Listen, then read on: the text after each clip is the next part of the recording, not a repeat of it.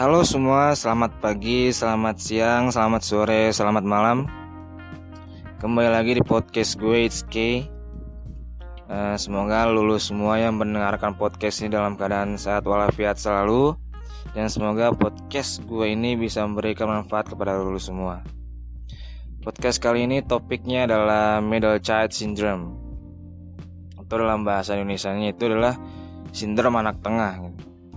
Dan kenapa gue mau ambil topik ini? Ya karena banyak banget yang nanya ke gue itu kayak gimana sih kak eh, rasanya jadi anak tengah gitu.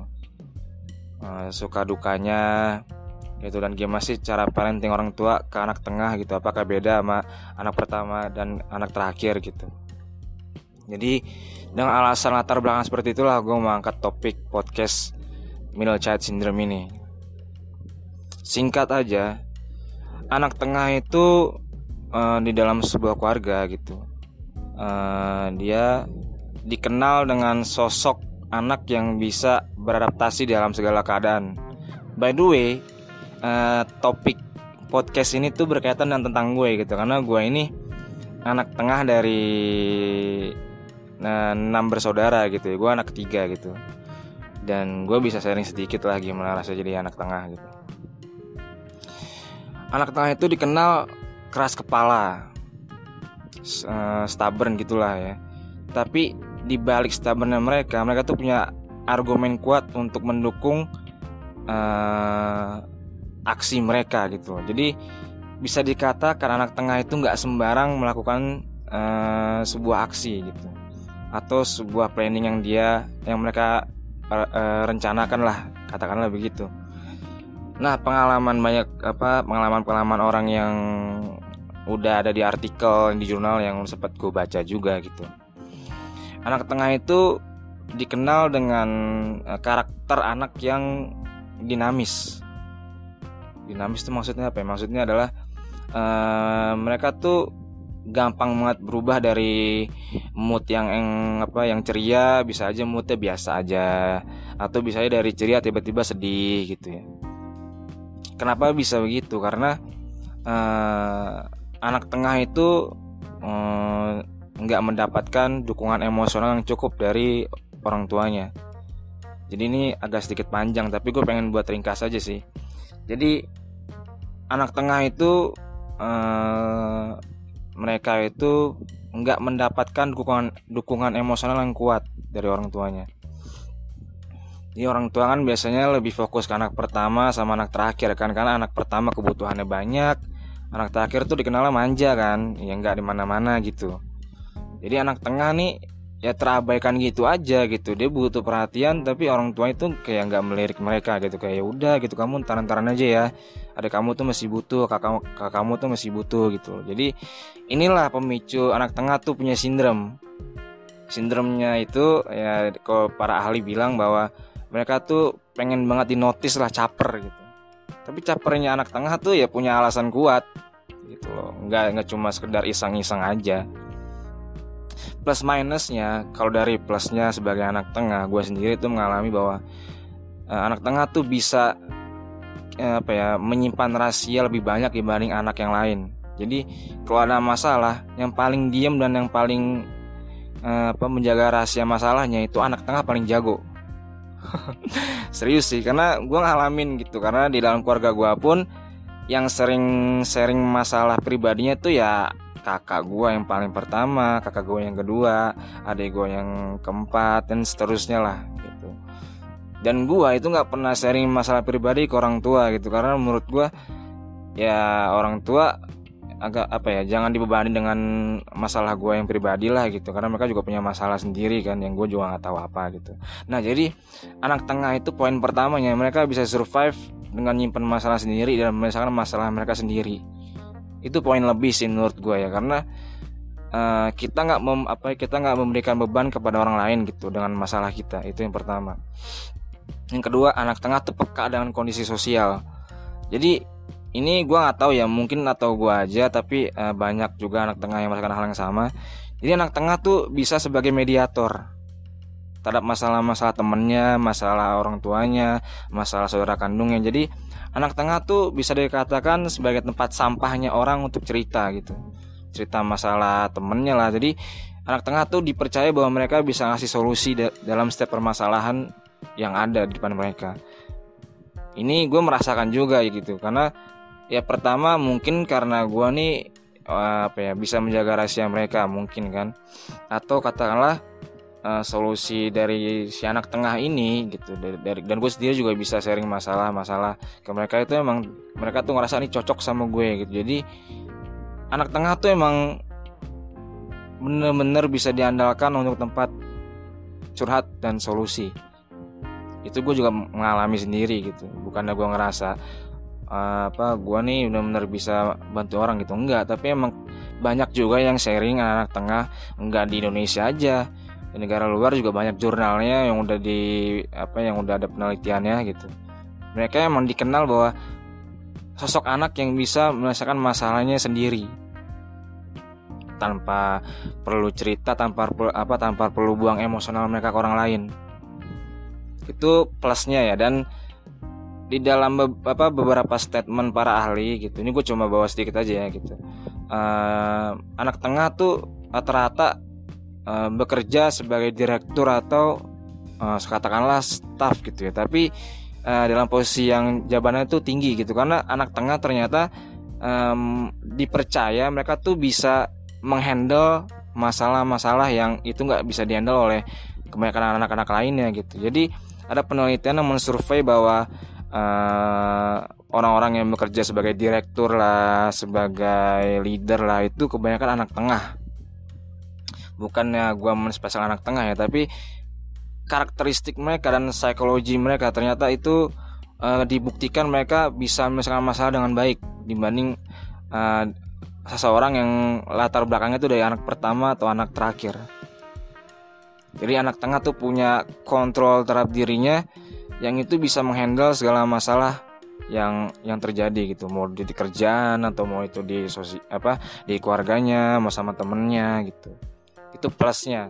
Tapi minusnya uh, dari dari gua sih yang pengalaman gua ya sebagai anak tengah kemudian gitu loh.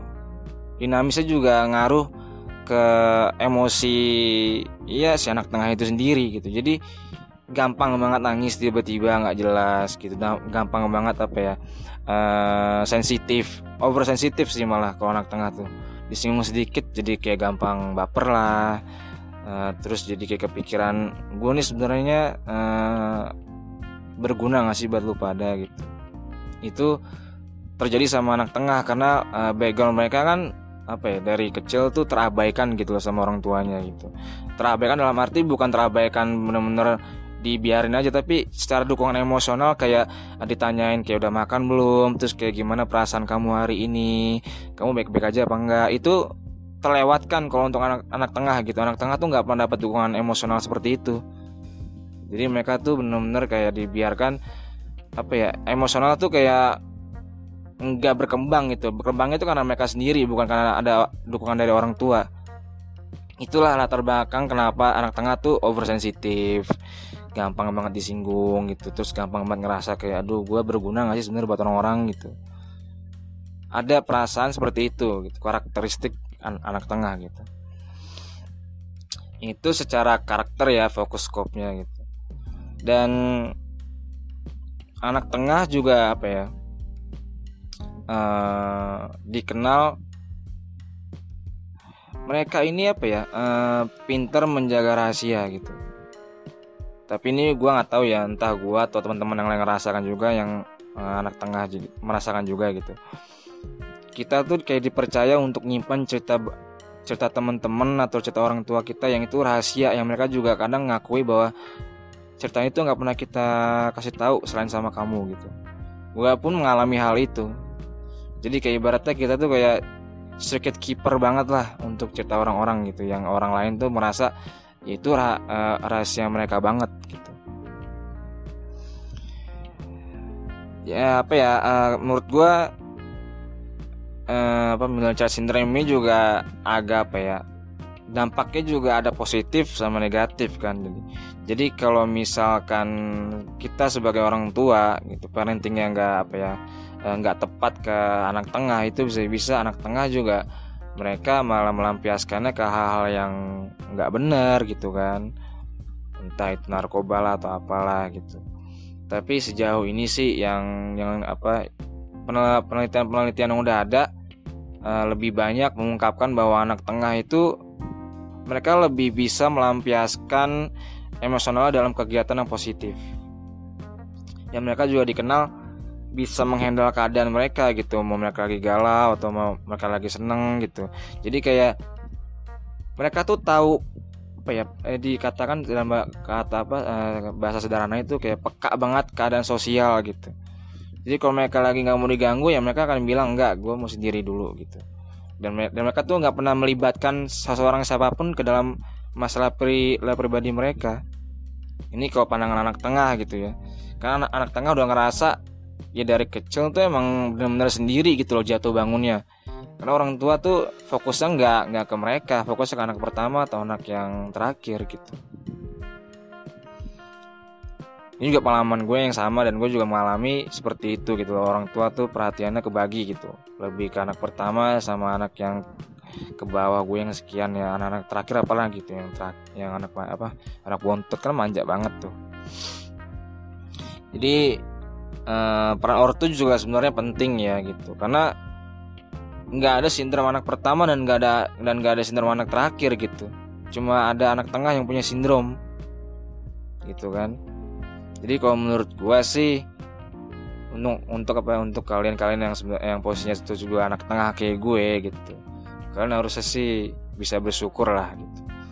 Karena plusnya itu ibaratkan uh, kelebihan kita tuh kayak eh, uh, dimiliki oleh kebanyakan orang gitu loh kita dididik memiliki dua peran, dua karakteristik secara langsung. Sebagai kakak bisa, sebagai adik bisa gitu. Jadi kita bisa menempatkan di segala posisi. Makanya itulah kenapa para ahli bilang anak tengah itu bisa jadi direktur yang hebat karena mereka bisa memposisikan diri mereka itu sebagai uh, apa ibaratnya pejabat yang paling tinggi tapi mereka juga bisa posisikan kalau mereka itu sebagai pegawai biasa tuh seperti apa gitu. Jadi mereka tuh bisa menghandle segala permasalahan dengan mudah. Ini pendapat para ahli sih yang yang sempat gue baca gitu. Kalian mungkin bisa baca uh, referensi referensi yang terkait lah tentang middle child syndrome gitu. Dan emang benar-benar ada sindromnya gitu. Dan gue juga mengalami hal itu.